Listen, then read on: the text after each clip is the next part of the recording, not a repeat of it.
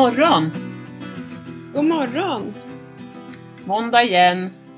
Ja, och nu närmar vi, närmar vi oss juni också. Ja. Jag sa det häromdagen till en, till en kollega som jag pratade med. Det känns så konstigt att säga juni. Liksom, för vi sa så här, ja men i juni, vi skulle boka ett möte då. Bara, va? Ja. Det känns som april fortfarande, tycker jag nästan. Ja. Det har ju varit lite aprilväder om man säger så. Ja, det har ju varit lite fram och tillbaka. Men Ja. eh, vi har ändå fått lite så här känsla av sommarkvällar tycker jag. Ja, men några sådana var det väl. Var det förra veckan eller hur var det? Ja, precis. Ja, det har varit jättebra. Hur är det med dig då? Jo, men det är bra med mig. Jag, ja, det, det känns liksom att det börjar närma sig eh, sommaren här för att eh, mina lä- mitt första läger på helgen är faktiskt om eh, ja, lite mindre än två veckor. En och en halv vecka typ börjar det. Så det, det börjar liksom bli sommarsäsong här. Det känns verkligen. Ja. Och jag har mitt första läger den 11 juni på fredagen där dagen efter skolan har slutat här uppe. Ja. Så jag håller med. Det är liksom, ja det känns roligt och hästskötarkurserna slutar nästa vecka. Vi dagläger istället då nu på sommaren. Ja, Mm. vad härligt. Har du, eh, är du taggad på att köra igång med sommarverksamheten? Ja absolut, det ska bli jättehärligt och hästarna börjar få gå och beta gräs och de är så nöjda och glada så. Ja, det, jag är jättetaggad för det. Och så ska det bli liksom lite skönt också att göra någonting annat för det blir lite variation också. Nu man liksom, har man ju kört hästskötarkurser sen förra liksom hösten. Ja, Så det är ju roligt att göra lite annat också i verksamheten. ja verkligen. Och sen har vi fått ett litet tillskott här hemma. Vad spännande! Vad, berätta mer. Ja, det är så här att vi har fått hem en liten häst till. Och med betoning på liten, kan jag säga. Eh, Ja. Det är en ettårig hingst som är en korsning av, av miniatyr, amerikansk miniatyrhäst. Och pappan då är okänd. Eh, så att det är en liten, liten prutt. Men gud vad spännande. Hur, eh, hur stor är han? Jag vet faktiskt inte, men han är väldigt liten. Jag, tycker ju inte att Gingis har varit någon stor, liksom, för han, har ändå varit, han är ändå en shetlandsponny, liksom, men han känns stor nu i jämförelse. Så han är väldigt liten. Eh, Ja. jag, ska faktiskt ta och mäta Gingis också, för jag, vi har aldrig slutmätt honom, så jag vet inte vad han är för höjd. Och då tänkte jag, då kan man ju också mäta King då, som han heter. Ja. Ehm, så att, eh, ja, han är liten, men jag menar, det går ju att göra väldigt mycket även fast de är små. Så kan man, även om man inte kan rida då som vuxen så, så kan man göra mycket annat.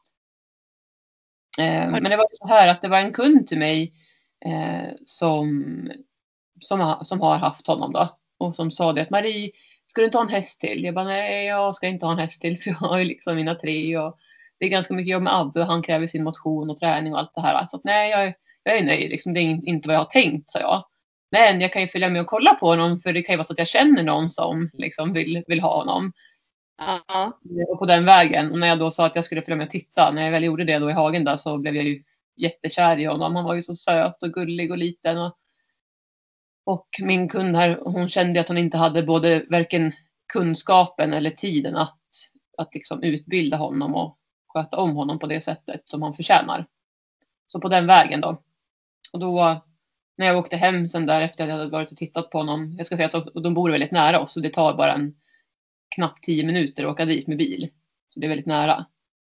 Okej. Eh, när jag åkte hem sen så, så sa jag till min mamma att han var så himla gullig. Och så tänker man ju på Jolin som, som också, som hon är ju ett och ett halvt nu så de är ungefär jämngamla.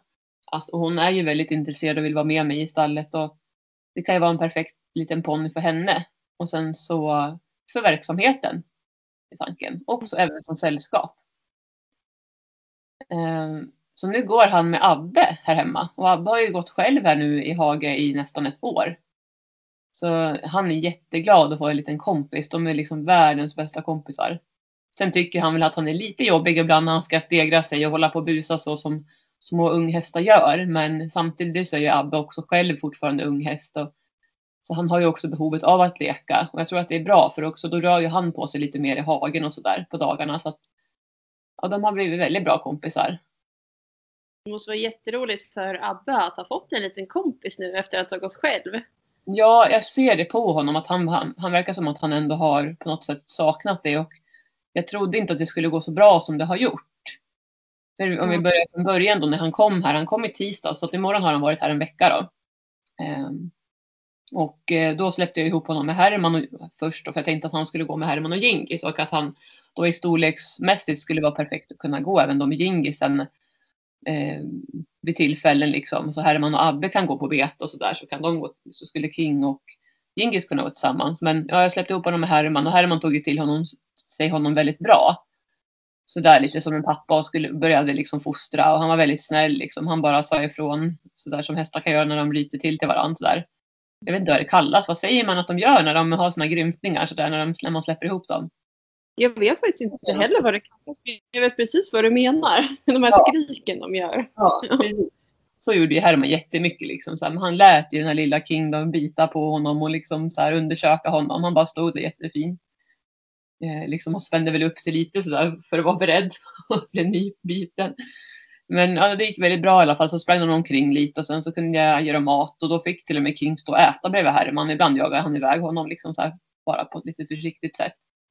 Det var väldigt tydligt vem som var ledaren om man säger så. Och det är så gulligt tycker jag de här, när de är unghästar så här små, att de liksom visar sig i underläge när de står och tuggar. Så det gjorde ju King direkt. Liksom. Han började redan utanför staketet och tuggade. Um, ja, sen i alla fall eftersom att det gick så bra med Herm så tänkte jag men då släpper vi in Dingis nu då så får vi se liksom hur det går. Det är alltid spännande med hopsläpp men det är också nervöst. Och det gick ju bra där på tisdagen. Det var, de jagade varandra lite grann och sådär och det kändes ändå helt okej. Okay. Jag tänkte det där ger nog med sig liksom. Det kommer nog gå bra. För han, Gengis, de sprang omkring liksom och det gjorde även Herman då när de blev tre. Men sen, alltså gick han, sen så tog jag ju in dem sen då Gingis och King för natten. Um, och sen dagen efter så släppte jag ihop dem igen. Men då, då började de springa och då började Gingis jaga honom jättemycket. Så det var inte alls roligt att se det. Eh, han, han var liksom aggressiv. Jag pratade med dig också. Kände så här, hur ska jag göra? Liksom, kan jag, ska jag verkligen fortsätta? Och King kom faktiskt genom staketet också två gånger. Eh, och då kände jag att det här funkar ju liksom inte. Om han blir utjagad då är det som att han blir trängd. Sen vet jag också att han har rymt hos tidigare ägare. När han har velat över till andra sidan för att det har varit lite mer intressanta hästar där om man säger. Eh, så att han, de, och när de är sådär små också så så har de ju lätt för att ta sig ut, liksom, om inte staketet är helt hundraprocentigt bra för dem. Mm. Men Gingis då, han, du sa han var aggressiv liksom. Jag, jag såg ju också en liten videoklipp på, ett videoklipp på när han eh, jagade Kingen. För jag tänkte först att det kanske var bara ja, men, så här, som de brukar kunna göra när det är en ny häst. Men han var ju verkligen mm. alltså, ja. Han tyckte inte om honom liksom. Nej, men precis, han tyckte hon var, var lite jobbig, inte vet jag. Och såg väl konkurrensen tror jag. Som jag sa också till det, men de har ändå gått, Herman och Gingis har ju gått med varandra i 13 år. De har ju liksom varit så otroligt tajta. Sen har ju de gått på sommararbete med någon annan häst sådär lite då och då. Men då har de ändå haft jättestora hagar och liksom obegränsat med mat. Mm. Så då har de inte behövt känna den konkurrensen. Eh, och jag menar, det är ju det här som är så, ska man säga, spännande och samtidigt nervöst och läskigt när man släpper ihop hästar för man vet inte hur de ska reagera. Jag menar Gingis är ju en väldigt snäll häst. Sen är han väldigt liksom, så han kan vara lite tjurig. Det kan han vara mot Herman också ibland. När Herman vill leka då vill inte Gingis. Då kan han bli lite sur och så kan han gå iväg och lägga bak öronen eller liksom så här nafsa ifrån till Herman. Ibland. Så han är inte alltid den här busiga hästen som vill springa runt och leka. Oftast så är han liksom lite mer så att han inte, det är oftast Herman som sätter igång honom men ibland så är han ju med och leker han också, de busar. Men jag tror att det kan vara svårt ibland att ha tre hästar det har vi också pratat om att det kan vara knepigt. Framförallt om två är väldigt tajta. Och sen så ja. tänker jag det kan ju ha att göra med också att han är hingst. Jag vet inte om det är att hingst kan känna av det. Att det kan påverka. Att han bara bestämde sig att nej det här är inget roligt. Eh, nej men så i alla fall så bestämde jag mig sen att nej de, de, jag särar på dem. Jag, jag får testa med Abbe liksom som nästa utväg. Mm. För jag kände att jag ville inte sära på Herman och, och Gingis för att, han skulle, för att King skulle kunna gå med Herman. Utan då kändes det bättre att testa med Abbe då, som redan var själv och, och istället för att sära på Herman och Gingis som var så tajta. Så då tänkte jag då, får det, då testar vi det. Ehm, och eh, ja, då släppte jag in honom till Abbe och det var i stort sett inga problem överhuvudtaget. De, de gjorde som hästar ska göra om man säger så. Och framförallt när det kommer in en sån här liten också, en sån ung liten häst Abbe var ganska cool. Han liksom bara stod stilla. Han till och med först gick han, när jag släppte King, så liksom, då gick han bara ifrån King för att sen gå fram och hälsa efter lite tag. Så han valde att gå, ifra, gå ifrån oss att sen själv gå fram till honom. Han lät liksom inte King gå fram först. Och det är så de ska göra också för att visa vem som bestämmer. Det är samma mm. oss. Vi ska ju inte heller låta de här små hästarna eller unghästarna komma fram till oss hela vägen utan det är vi som ska gå fram sista biten. För att de ska lära sig det. Man kan tycka att det är så gulligt när de små kommer fram. Åh, han vill komma fram och hälsa. Men det man ska tänka på att det också har med dominans att göra. Um, och det var så tydligt att se att Abbe liksom, han tog direkt kommandot. Och det var lite, jag var ju lite rädd eftersom att det är så stor storleksskillnad på dem. Jag menar, King kan i stort sett gå under magen på Abbe. Mm. Nästan så i alla fall. Så jag var lite rädd att han skulle få en snyting liksom. För jag menar, när jag släppte ihop Abbe med Herman och Gingis, det var ju då Gingis fick sin käkfraktur där i september. Ja. Så jag hade ju lite dåliga liksom, liksom känslor att tänk om det här inte går bra nu, tänk om det händer någonting. Men vad ska man göra? Nu var ju mitt enda, mitt, en, mitt enda utväg var ju att testa med Abbe eller lämna tillbaka King. Och det vill jag ju inte. Så mm. eh, ja, så det var lite höga hovar där från Abbes sida liksom, men ändå så gjorde han inte det mot honom. Det kändes som att han ändå hade koll. Eh, och King han försökte inte alls stegra sig så jag tror att det kändes som att både Herman och framförallt då Gingis hade väl satt King lite på plats. Så han var lite reserverad då ändå mot Abbe och det var nog bra för att jag vet inte hur han hade varit om King hade varit så kaxig som han har blivit nu här i dagarna. Nu är han väldigt kaxig. Nu stegrar han sig mot Abbe och, och de håller på och busar liksom. Um, så det var nog ändå lite bra för nu fick, då fick Abbe lära känna honom lite lugnt och försiktigt och sådär. Och kunna säga ifrån lite lagom istället för att det hade blivit för hårt från början. Och det är inte säkert att det hade blivit så men min, min magkänsla så, säger att om King hade bara rusat fram och typ bara stegat sig mot Abbe då hade nog han blivit li, både lite spak tror jag. Jag vet ju inte hur, hur Abbe har haft det riktigt i Spanien. Det jag vet är att han har stått på box i stort sett hela, hela tiden. Sist sen han reds in, han var tre och ett halvt. Och sen säger de att han har gått på bete för unghästflock när han var yngre. Men jag vet ju inte hundra hur han har gått och med vilka hästar och så vidare. Så det här var ju verkligen spännande kan jag säga. Men jag är jättelätt att det gick så bra. Ja men det måste kännas jättekul och skönt, liksom, som en lättnad att nu veta att Abbe kan gå med en kompis. Mm, verkligen, det är jätteroligt. Och just att de är två och två också nu då. Eh, och jag har testat att gå iväg med Abbe, ridit, eh, gått promenad med honom och sådär. han, han bryr sig inte. För först var jag lite rädd. Tänk om han blir så himla tajt med King så att han, att han blir personlighetsförändrad och liksom blir gnäggig och, och ska tillbaka hem och sådär. Det vet man ju inte. Men nej, han har inte visat några sådana tendenser alls. Så jag tror inte att han kommer göra det framöver heller. Det känns inte så. Utan han tycker, det känns som att han tycker snarare att det är skönt att komma ifrån lite, och få vara lite i fred. Mm. nu har han ju lilla King hasorna liksom, ja, väldigt mycket det, det är lagom. Jag ser att de står på varsin sida hagen och liksom King kan gå iväg och Abbe kan gå ifrån honom. Så det är inte att de är på varandra hela tiden, men jag ser ju ändå att de är ju liksom väldigt nära och liksom ofta så. Eh, och det är väl på ett sätt bra, för det visar väl att de tycker om varandra. Ja. Så, så det känns bra. Och jag har fått frågor också till de som jag har berättat för och som har sett på sociala medier så har de frågat men vad ska du använda King till? Och det går ju att göra i stort sett allt som man kan göra med en stor häst. Förutom att jag inte kan rida honom. Men små barn, väldigt små barn kan rida. Så jag tänker mig att tycker Julina att det är roligt sen så kan hon få rida på honom. Eh, för de är jämngamla så det kan de bli ganska lagom. Och sen så främst ska vi köra med honom och så tänker jag med trickträning och att det ska vara en liten mysig häst som kan hänga med på promenader och lite allt möjligt. Precis egentligen som jag använde Gingis till. Och sen också självklart att han blir ett bra sällskap för Abbe och kanske också så småningom när han kastreras så kanske de kan gå alla fyra tillsammans. Det får vi ju se på sikt. Ja. Men eh, det som du säger, det finns ju jättemycket att göra med sådana där små, små hästar också.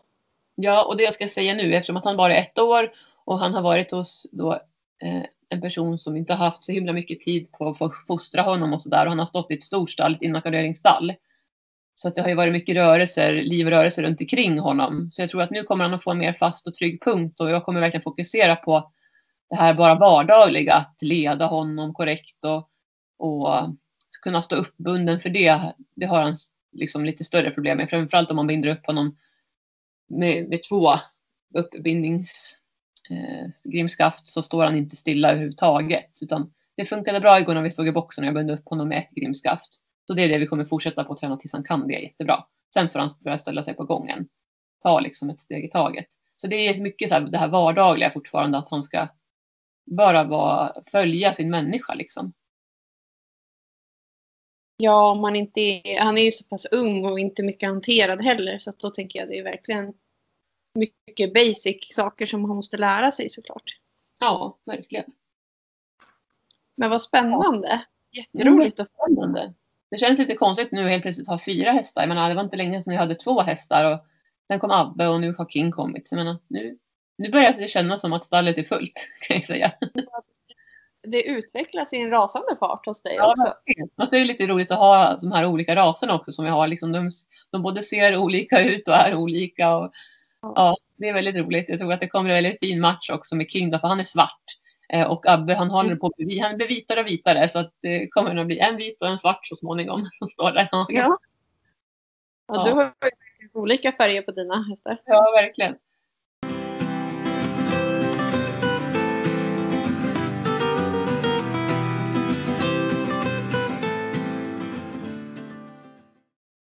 Och sen kan jag berätta en annan rolig sak och det är att jag har haft en elev nu som har ridit på Abbe också för första gången här i veckan som var. Ja, det är jätteroligt. Gud vad kul. Ja. Vilken utveckling. Ja, och då var faktiskt det också dessutom dagen efter att King kom. Så det var, och de hade släppts ihop där samma dag.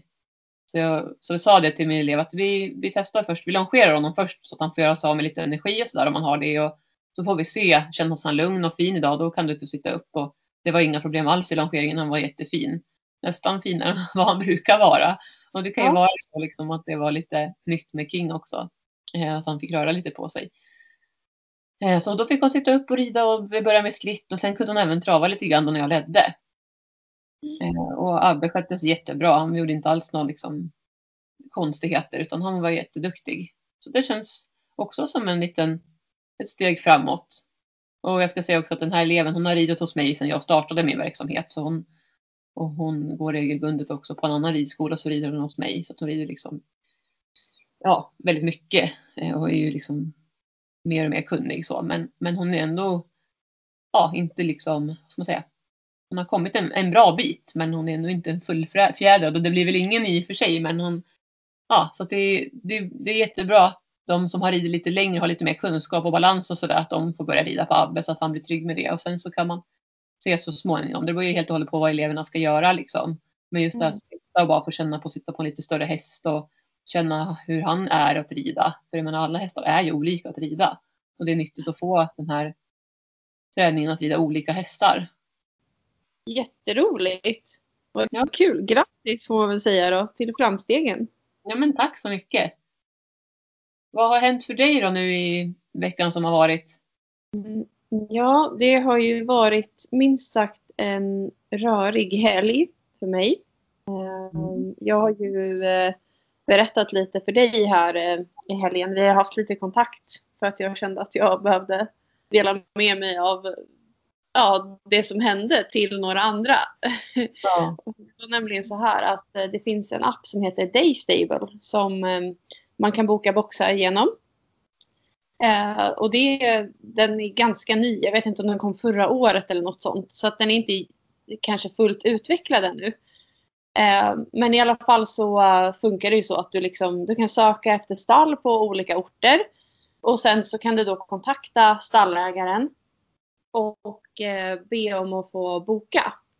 Men det här sker ju inte då genom någon bokningstjänst eller så i den här appen utan du måste skriva meddelanden. Så att jag fick ett meddelande då från en transporteringsfirma som, som undrade om de kunde få låna eller hyra tre stycken boxar i torsdags. Och att de skulle komma då på kvällen och så skulle de stanna en natt. Eh, och jag sa okej, ja men det går bra, det är inga problem, det finns plats i mina uteboxar. Och så frågade jag liksom vilken tid de skulle komma och det var troligen runt klockan åtta på kvällen tror jag. Mm. Eh, sen så lite senare, typ runt klockan åtta, så var de fortfarande inte här. Så jag messade och frågade igen, liksom, hur går det med resan? Och då sa den här personen att nej men de kommer nog runt tio istället. Eller de ska höra av sig när de närmar sig. Mm. Och att de ville stanna till på lördag istället. Och jag sa att ja, okej. ehm, de kan stanna till på lördag, men jag har inga sovplatser till några människor, liksom, utan bara hästarna. Och det var inga problem. Eh, och så i alla fall så, så småningom så kom de. Och det var en stor hästlastbil med eh, tre stycken hästar i. Eh, chauffören pratade ingen engelska överhuvudtaget. Han pratade bara ryska. Och de hade med sin hästskötare, en, en ganska ung tjej som pratade jättebra engelska i alla fall. Så henne hade jag ju kontakt med då. Mm. Och hon, eh, ja, de skulle lasta av hästarna. Man lastade av en häst. Och chauffören gjorde ingenting. Han var inte engagerad alls i hästarna liksom, utan han bara körde lastbilen. Så groomen lastade av en häst och jag sa ah, okej jag kan hålla i den då medan du lastar av de andra. Mm. Och då blev ju nästa häst i ordningen helt galen in i lastbilen och började resa sig eh, högt och mycket. Eh, och det var ju liksom typ total kaos där inne liksom. Och den hade ingen grimma på sig heller. Oj då. Tog med frambenen och den reste sig. Så att det var ju verkligen en farlig situation. Ja. Och hon blev väldigt rädd då, den här skötaren. Och liksom stod där och bara, jag får inte på grimman och jag vet inte vad jag ska göra. Och jag stod där och bara, ehm, ja, Mm. nej, vad ska jag säga liksom? Jag skulle bara ta emot dem och peka på boxarna liksom. Men ehm, eh, så sa hon då, ah, vill, du, vill du försöka till min pappa? Och han sa, nej det är inte min häst liksom. Så eh, jag var också väldigt noga med liksom, att nej men vi, vi gör inte det här för det här är- kan ju bli riktigt farligt liksom. Och de, de skulle bara hyra boxar av oss så att vi ska inte hålla på och riskera våra liv liksom. Men till slut så lyckades min pappa sätta på grimman över själva follan då, som den här häst- hästen stod i. För att han är så lång så han nådde över och kunde sätta på grimman. Okej. Och då så eh, var ju den här skötaren jätterädd för att öppna och, och gå ut med hästen. Men jag sa det att alltså, så, så fort du öppnar så kommer det nog vara lugnt. Bara du går ut med hästen. Eh, och mycket riktigt då, så fort hon gjorde det så, så gick det bra. Och Mm. sen så eh, tog jag den hästen och Otto fick ta den som jag höll i. För eh, häst nummer ett ute i lastbilen var ju väldigt lugn i alla fall. Mm, vilken tur. Och sen kom den tredje hästen ut och den var i alla fall väldigt lugn också. Ja. Och de gick till boxarna och vi eh, hjälpte till och se till att de fick vatten och hö och allting som de behövde ha. Och eh, jag pratade lite med den här skötaren då och frågade lite om resan men hon visste typ ingenting för att hon sa att hon var frilansare och hade hoppat på längs vägen. Jaha. Så att hon inte kände hästarna. Eh, och jag sa, ja okej, ja men eh, vad, vad är liksom planen? Vad, vart, eh, vart ska de? Eller, och när ska ni åka? Och då sa hon, nej jag har ingen aning, jag ska flyga hem imorgon klockan tio. Mm. Okej, eh, men vem ska ta hand om hästarna då? Och hon sa bara, nej jag vet inte, det, jag ska åka hem och någon ska skjutsa mig men jag har ingen aning om vem. Nej. Och jag kände, ja, ja. Eh, vi får väl se då om hon kanske blir kvar tänkte jag eftersom att hon inte visste vem som skulle skjutsa henne heller. Ja. Men i alla fall då så eh, ja, gick vi in. Vi stannade uppe ganska sent för att se att det skulle gå bra ute med hästarna för de var ju lite nerviga liksom. Och då så, ehm, ja, vad var klockan? Kanske klockan 12 så hörde vi någonting som smällde ute. Och vi, vi satt och kollade på tv jag och Otto, men vi hörde det i alla fall. lov. Ehm, så vi gick ut och chauffören och den här skötaren, de sov ju typ i lastbilen alldeles bredvid boxarna och de borde också ha hört att det smällde liksom, men de gick inte ut. Och då var det ju så att den ena hästen hade sparkat i boxväggen så att två stycken brädor hade givit vika. Andra hästens box. Men gud. Ja. Så um, vi fick ju liksom hämta skruvdragare och bräda för att stabilisera det där.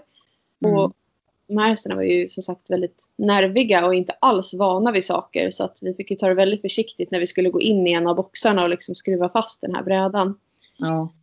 Den hästen vi gick in till den var jättelugn och bara stod där. Jag stod och höll i den och den bara åt.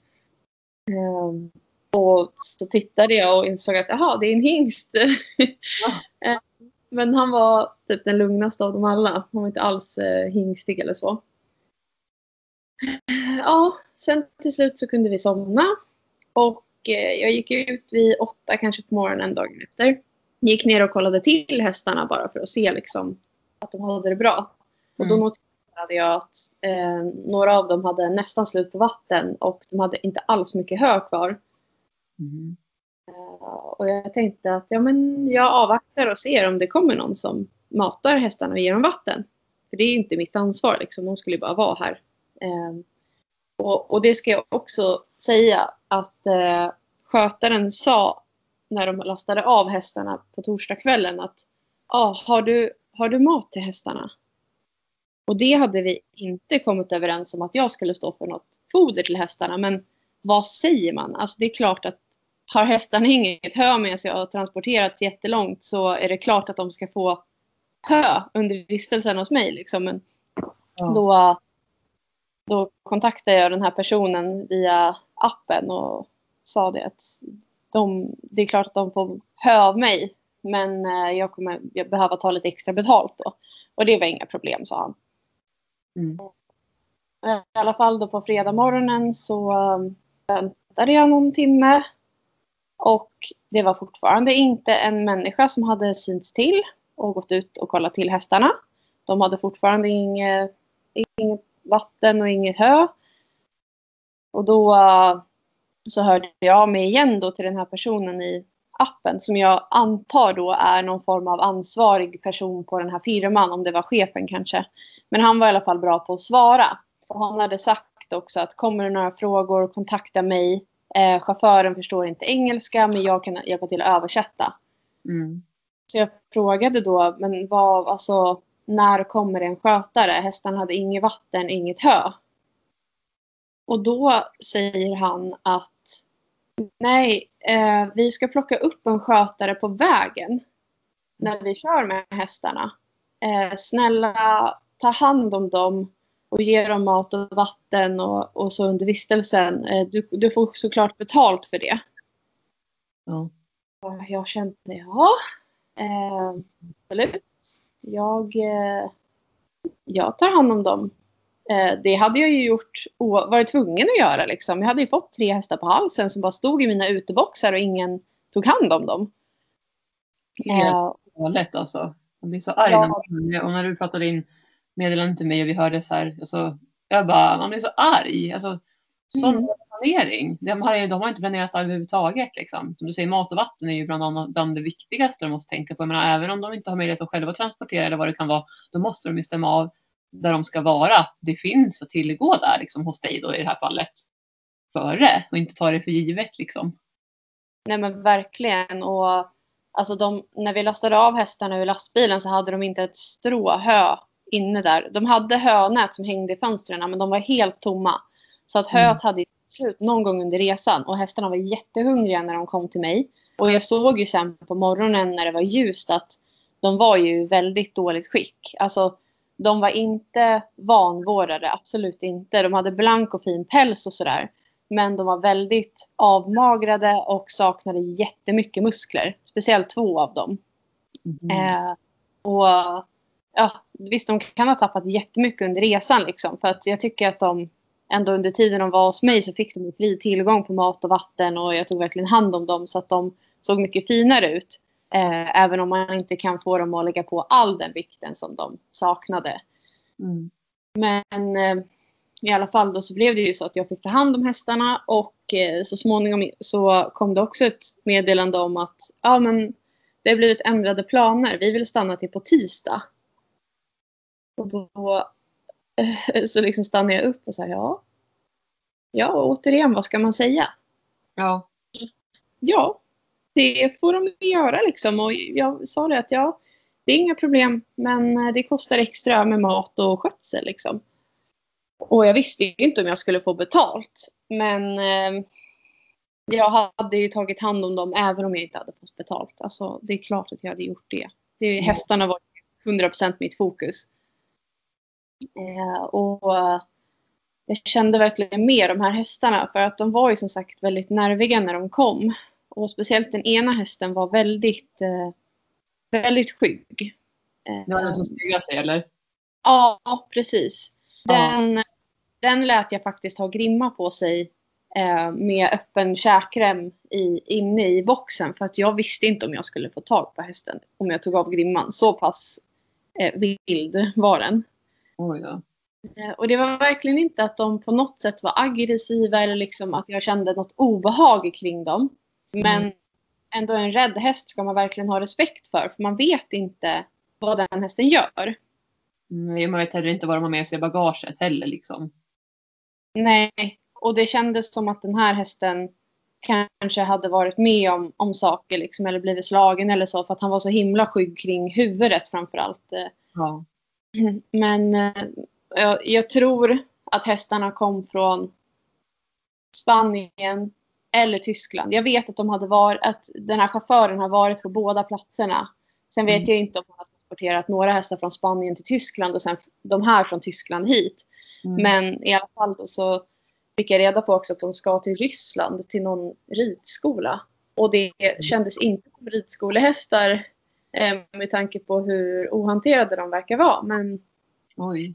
Ja, ja, ja. de har en annan standard där också kanske. Ja. Men eh, ja. Vilken alltså, grej alltså. Ja, det var så himla galet liksom. Och, och jag, jag fick ju, eh, till slut fick jag ju betalt. Det kom en eh, annan man hem till mig som faktiskt pratade svenska. Och han, han var, jobbade med någon service eh, och fixade med lastbilen och han betalade mig för eh, en del, då, då, hälften av det jag skulle ha betalt. Och sen eh, någon dag senare så kom faktiskt han igen. Och eh, då hade han med sig lastbilschauffören också och de gav mig den sista betalningen. Mm. Och ja, som ni hör så är det här väldigt rörigt. Liksom. Det var verkligen så här från dag till dag eller från timme till timme och man visste inte vad som skulle hända. Men jag fick ett väldigt bra intryck av den här personen som pratar svenska i alla fall och att han, han var väldigt så här att ja men eh, hur kommer det sig att eh, eh, det står i appen att du tar så här mycket per natt men hur kommer det sig att du vill ha så här mycket betalt nu? Och då sa jag ja. att ja, men, kostar med foder och jag tar hand om hästarna. Jag, jag lägger mycket tid på dem liksom. Ja. Och det är så bra för han sa att ja, ja, nej, jag bara undrade liksom för att det är klart att det är de här tre i boxarna här som är i fokus. Så att allt för dem liksom, och det spelar ingen roll vad det, vad det kostar utan jag ville bara liksom veta vad det är vi, vi betalar för. Liksom. Mm. Ja, men det var en intressant fråga som han hade. Jag menar, från din sida sett så verkar det här väldigt kaosartat, liksom, den här situationen. Ja. Och, och, hur de hanterade situationen med att det inte fanns någon planering överhuvudtaget som det låter. Och den här grooming-tjejen som de hade hämtat upp längs vägen och som helt plötsligt sen skulle åka hem. Vem tar hand om hästarna? Ja. Um, och det ser man också viktigt det med kommunikation, att kunna också prata med varandra. Det är mm. svårt att veta om de hade förväntat sig att de skulle få mat, men det känns ju inte så. För jag menar, att det, det är ingenting man kan ta för givet, tänker jag. Utan det var som du säger, det är boxplatser. Liksom. Och där och sen, tror jag verkligen, som du säger, jag tror verkligen som du säger där med kommunikationen, att det känns som att den här personen som bokade hos mig, eh, mm. eh, den så troligen är någon form av överman på företaget. Han kan ju inte ha haft så jättemycket kommunikation med transportörerna, den här skötaren och chauffören. För att han verkade ju kanske inte veta att hästarna saknade hö. Nej, nej. Då hade ju han kunnat fråga mig det. Men det kändes liksom som att det var lite dålig kommunikation dem emellan. Och, ja, jag, jag, hade, jag skrev faktiskt också till den här personen sen att eh, hästarna ja, jag vet inte om du vet vilket skick hästarna är i, men för din information så är de väldigt tunna och de saknar eh, muskler. Mm. Eh, jag gör mitt bästa med att ge dem så mycket mat som möjligt. De har fri tillgång här och så. Eh, men jag tyckte det var viktigt att man fick veta det så att inte någon kommer och säger att ja, men så här såg de inte ut innan de kom till dig. Eh, man Ja. vet ju inte liksom. Nej. Vi tog också bilder på dem. Det är sen som du säger också. För det här företaget då som du säger.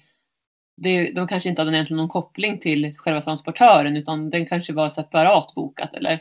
Var det så du menade? Du tror att det var så? Ja. Eller? Jag menar, Alltså, då är det ju viktigt att i så fall man, att de vet hur hästarna sköts under transporten. Jag kan ju bara utgå från när, den erfarenheten jag har själv när jag köpte Abbe. Och det var ju supernoga liksom. med- De har ju luftkonditionering och allt möjligt och det var liksom mat. De stannade längs vägen flera gånger. De lastades av varje natt. Fick stå på box. Över helgen så stod de ett par, tre dagar till och med på box.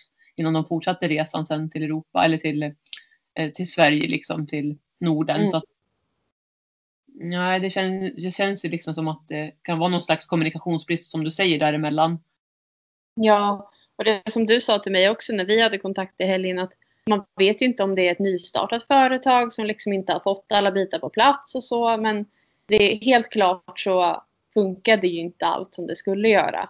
Nej. Och eh, ja, hästarna stannade ju då till eh, igår, söndag alltså. Så att planerna ändrades också drastiskt när det gällde när de skulle åka hem. Så på lördagen så fick jag då reda på att eh, de skulle åka hem på söndagen. Och den här kontaktpersonen jag hade, han frågade mig eh, om jag kunde hjälpa till och lasta. Och jag sa men jag är jätteuppbokad för jag har fullt med ridlektioner och sånt där. Så att jag kan vara klar runt klockan 11. Ja. Och han sa, ja men jag informerar chauffören, han får vänta. Eh, och på söndag morgon så gick jag ut vid typ åtta på morgonen och skulle ta ut mina två hästar som var inne och sen kolla till de andra hästarna. Och då ser jag att chauffören står där. Och jag tror att han bara liksom står och klappar hästarna och så. Och tänkte att ja, men vad fint att han verkar ge dem uppmärksamhet. Mm. Sen när jag tittar igen så ser jag att han håller i en grimma. Och det ser ut som att han försöker att sätta på grimman på någon av hästarna utifrån boxen. Tack och lov att han inte öppnade boxdörrarna, kände jag nu i Mm. efterhand. Eh, jag, jag kände bara, nej, nu, alltså, jag orkar inte stressa ihjäl mig liksom. Nu har jag sagt att klockan 11 kan jag hjälpa till och då får, det, då får han vänta. För att Mm. jag hade folk som skulle komma till mig klockan 9 och jag kände att det skulle bli jättehetsigt att liksom göra någonting innan dess. ja. Så man inte vet hur det går med lastningen heller liksom med tanke på att en av hästarna var väldigt stressad och stegrade sig när ni lastade Ja. skulle lasta av. Vill man ha tid på sig. Mm. Och jag ville gärna gå en liten sväng med hästarna också. Det hade jag gjort någon tidigare, liksom, att vi tog ut dem alla tre samtidigt. Eh, vi var tre personer då som höll i varsin häst och gick runt med dem lite grann så att de fick röra på sig. Och det ville jag gärna göra innan de skulle lastas igen. Men eh, jag gick in och åt lite frukost, eller skulle äta frukost, eh, kollar ut genom fönstret igen. Då är det öppet till flera av boxarna, uteboxarna och det saknas hästar. Och jag får ju panik och bara ser också hur då den hästen som var extra nervös, hur den börjar liksom fara omkring i sin box. Och jag vet ju innan det händer att den här hästen kommer försöka hoppa ut i boxen. Mm. För den fick panik när eh, den ena hästen gick iväg från den. Det räckte med att man tog ut den andra hästen ur boxen så blev den här nerviga jätte, jättestressad. Mm. Jag ser då hur han, han har inte fått tag i den nerviga hästen för den behövde man vara väldigt försiktig med när man sätter på grimman. Och um, han går iväg med häst nummer ett, häst nummer två. Och jag springer ut. Eh, jag, jag springer ut och liksom skriker bara no, no, no. Och liksom svär och, och så här. Eh, för att då hoppar den här sista hästen över boxdörren med frambenen. Åh nej. Ah, Och jag liksom bara nej, nej, nej, nej. Och springer dit och, och skriker på den här mannen. Och då till slut lyssnar han ju liksom och vän- vänder sig om och jag bara vevar att han ska komma tillbaka med hästen. Och jag lyckas då få den här andra hästen att hoppa tillbaka in i boxen. Och så står jag där liksom och pratar med den och bara lugn, lugn, så jag. Så Mm. kommer han tillbaka. Eh, och Som sagt, vi kan ju inte kommunicera med varandra. Han förstår inte ett ord av vad jag säger och han pratar på ryska till mig liksom. Jag fattar ingenting. Nej. Och jag skriker liksom att, på engelska då att oh, men du skulle vänta på mig liksom. Jag kan inte hjälpa dig förrän klockan 11. Och återigen, vad ska man göra? Han liksom bara pekar på klockan och typ säger jag förstår att han är stressad. Ja. Och, ja, det är bara att hjälpa honom att lasta liksom. Så att jag, jag går in till den här eh, stressade hästen och liksom lugnar ner den och sätter på honom grimman. Och så går vi ut med båda två. Mm. Så ska lastbilschauffören lasta på den andra hästen och den vägrar gå med honom in i släpet. Så jag får gå in först med den, eh, den nervösa hästen. Mm. Och Den går in och sen så lastar jag också den sista hästen. Och då är alla tre på, på lastbilen och de står lugnt och fint. Och jag har också hängt upp höpåsar till dem inne i lastbilen. Eh, Men eh, alltså det, det var så hastigt och lustigt liksom. Och, och det kändes också så jobbigt att jag inte fick möjligheten att ge dem ännu bättre reseförutsättningar. Liksom. Jag, fick, Ja. jag fick springa ut liksom och kasta in dem i lastbilen typ. Och, Ja. Fy, ja, vad jobbigt. Alltså gud vad jobbigt. Du, gud vad, vad bra du har gjort alltså för de här hästarna. Och för det här Mm. företaget. Alltså du skulle ha dub, dubbelt, dubbelt betalt liksom för det du har gjort och för det du har fått vara med om. Tänker jag. Det är inte okej av ett företag att göra på det här sättet. Och framförallt Nej. om det är ett företag eller inte. Men när man transporterar inte hästar på det här sättet och inte har en plan. Och genom att vara stressad. Det är det första man måste veta. Har man en har man hästar som är stressade då måste man vara lugn. Och det var därför du fick på dem också på transporten tror jag. För de kände ju att du var lugn och de kunde Mm. lita på dig. Och jag menar, hästar är ju experter på att läsa av så att. Ja. Ja, och alltså de här hästarna, eh, som sagt, jag, jag hann knyta an väldigt mycket till dem under tiden de var hos oss. Och de var väldigt fina hästar. Alltså, de hade, med mer hull och muskler hade de varit riktigt, riktigt fina hästar. Så här, riktigt klassiga. Speciellt den lite nervösa hästen. Den hade varit, alltså den hade sådana rörelser. Det var fantastiskt liksom. ja. Men jag spenderade väldigt mycket tid med dem och jag borstade dem också lite grann in i boxarna och klappade på dem och sådär. Och de blev ju som sagt väldigt lugna Mm. och väldigt mysiga. Och, alltså det var så vänliga hästar. Ehm, och ja, nej men jag tog verkligen hand om dem och jag fick eh, också Saga som är i stallet hjälpte till jättemycket och Otto också. Eh, så att vi, vi var ju där väldigt mycket och alla vi tre tyckte att det var jättejobbigt när de åkte. Och jag, Mm. jag ska också nämna att eh, det var en, en stund där, någon av dagarna som jag hade lite panik eller liksom ångest och kände kan jag göra något för de här hästarna? Kan vi på något sätt liksom stoppa deras resa eller något? Alltså man blir så lite naiv eh, och tänker inte hela vägen. Då blir jag, jag blir så känslosam och liksom empatisk och känner bara att jag vill att hästarna ska stanna hos mig. Eh, Mm. Men det var, var inte realistiskt liksom. Eh, och min pappa, han är ju väldigt så här, realist och han kom och sa bara nej men nu måste vi göra det här i rätt ordning då liksom. Så att han ringde till Jordbruksverkets veterinär och pratade Mm. med den.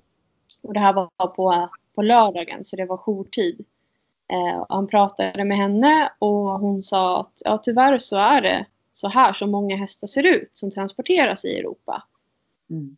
Eh, och visst, jag kan komma och göra en besiktning av hästarna och kolla deras skick och så. Men så länge de inte blir sämre och blir sjuka så är det inte så mycket vi kan göra. Eh, och, men hon sa liksom, visst vill ni betala jouravgift och så så kan jag komma ut. Men det, det hade ju så varit från vår egen ficka liksom. Och vi kände Mm. att nej men om inte hon tror eh, eller tycker att man kan agera mer så nej, då får vi liksom lyssna på det. Mm. Och det, det är också det här liksom att de ska till Ryssland. Man ville kanske inte få någon rysk myndighet på sig heller. Alltså man vet inte vad som kan hända. Det kanske är någon jätterik, jätteseriös människa som har köpt de här hästarna som blir helt förtvivlad om, om vi kommer och liksom stoppar det på något sätt. Ja, men du vet, det hade kunnat bli en jättelång process. Alltså, som man inte vill hamna i. Verkligen. Det är en svår situation som du säger liksom, att veta. Men jag menar, det känns ju ändå som jag tycker att ni gjorde, gjorde rätt. Menar, dels kollade ni ju upp de möjligheterna Eh, istället för att ni inte hade ringt till exempel till Jordbruksverket och pratat med dem, med deras veterinär, så då hade ni inte fått veta de här sakerna heller. Liksom. Så att, jag menar, ni har ju verkligen gjort det ni har kunnat som jag tycker. Men det är ju mm. det man blir skrev, liksom, rädd för, det är ju att höra att det är så här många transporteras. Och, mm. och det är klart att det kan ju vara att ni fick se liksom en, en väldigt stressad och, och ska man säga, dålig sida av det hela. Det kanske hade skötts bättre på andra ställen längs resans gång. Ingen aning, det är svårt att veta. Men samtidigt som du säger, de var ju ändå lite, lite magra och mm. saknade muskler och sådär. Så förmodligen, och det var väl också det som var grejen, att de hade inte haft det så bra på resan. Det var därför de var en del var stressade av dem, framförallt den ena då. Du såg när de fick vara hos er några dagar så hann de ju landa liksom. Då fick du ju se deras personligheter. Ja. Mm. Ja, exakt. Och sen det jag kunde trösta mig med lite grann sen när vi hade lastat hästarna det var att vi hade skickat med dem då sex stycken hönät för mm. resan. Och eh, chauffören försökte säga något till mig och pekade på höet liksom och jag bara fattar ingenting. Eh, så då tog han upp Google Translate och eh, visade mig i text då vad han sa. Och då sa han eh, sälj mer hö tack. Så att då kändes det också som en ett litet lugn för mig att okej, okay, han planerar att han ska ge hästarna mat under resan. Ja. Eh, för han får hö från mig. Så att då packade vi tre stycken stora sopsäckar också så att de skulle ha ännu mera mat. Och ja. Det var också där, oh, skönt att det ändå finns någon form av plan på att hästarna ska få mat längs resan. Och, ja, men eh, nej, men alltså, det är tufft ibland. Och, alltså, min pappa har sagt det till mig så många gånger. Bara, du kan inte rädda alla. Och mm.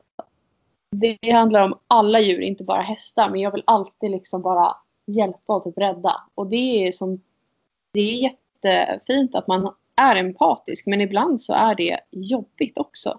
Ja, jag förstår vad du menar. Frustrerande när man inte känner att man heller kan göra exakt allt som man vill göra.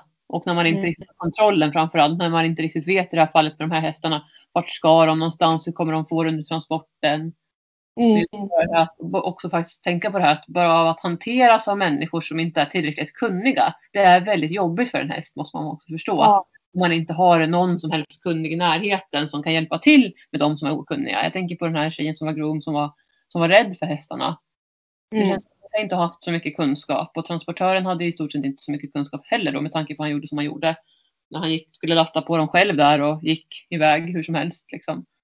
Ja, precis. Det, ja, man... Eh, ja, men jag blir liksom lite naiv då i stundens hetta. Att jag, eh, jag ska säga också att chauffören han var inte på plats på gården alls typ de här dagarna utan han bodde på något hotell. Ja, så ja. lastbilen stod på gården och hästarna var där. Och jag insåg liksom på, på lördagen att nycklarna hade suttit i lastbilen hela tiden. Va? Och jag var så här, men och ska jag bara sno lastbilen typ eller någon annan får sno den så att hästarna inte kan åka härifrån. Och jag tänkte liksom, ska jag leta efter hästarnas pass och bara hoppas att de kommer bli fast här? Ja, nej men alltså, ja. man, man drömmer sig bort liksom. Men, ja. ja men det var någonting med dem som jag bara kände att mitt hjärta blev så varmt av att hjälpa de här hästarna. Mm.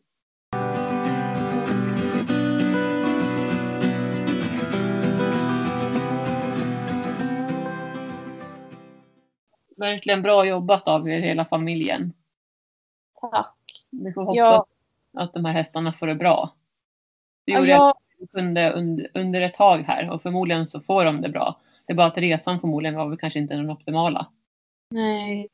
Jag försöker, jag försöker tänka att det kanske finns någon där som väntar på de här hästarna och är liksom lycklig som ett barn på julafton när de kommer fram och bara kommer ge dem så mycket kärlek. Och det är väl den bilden man får försöka måla upp för sig själv. För det kan ju vara så. Och Mm.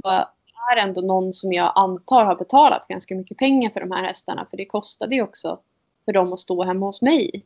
Och att Mm. de fick betalt för det. Och att de kunde lägga de pengarna känns för mig som också kanske ett bevis på att det, ja, men, det är någon som verkligen vill ha hem de här hästarna och företaget är angeläget om att inte bara hitta billigaste möjliga lösningen, typ låta dem stå på lastbilen och Mm. inte betala för någon vistelse någonstans. Så ja, man får försöka hoppas och, och tro att det är någon som längtar efter dem. Mm. Men Som du nämnde där så sa du väl att du, du fick reda på sen att de skulle till någon ridskola. Ja, Så förhoppningsvis så är det ett bra ställe de ska till då. Ja, men jag hoppas det. Jag, ja, ja, jag hoppas verkligen att de kommer få det bra. Och att eh, om inte annat så fick de vara i himmelriket ett par dagar här med bara fri tillgång på mat och massor av uppmärksamhet. Mm.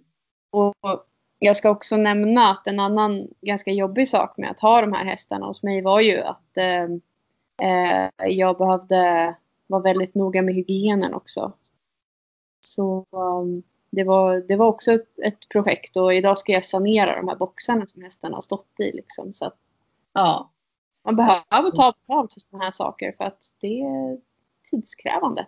verkligen. Du har ju lagt hela din tid och själ liksom i de här hästarna under de här dagarna de har varit hos dig. Ja. Och som du säger, det är också en risk det här med sjukdomar och sådana saker.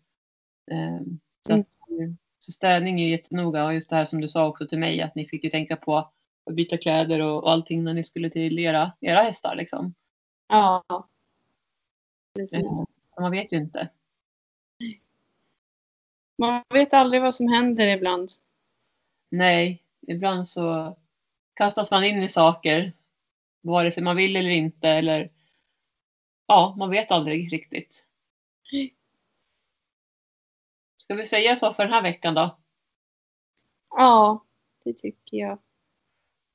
Det var en fullspäckad vecka för oss båda. Ja. Minst sagt. Spännande på bå- båda håll. Verkligen. Vi får eh, hoppas det blir lite lugnare den här veckan kanske. Ja, precis. Sista veckan i maj.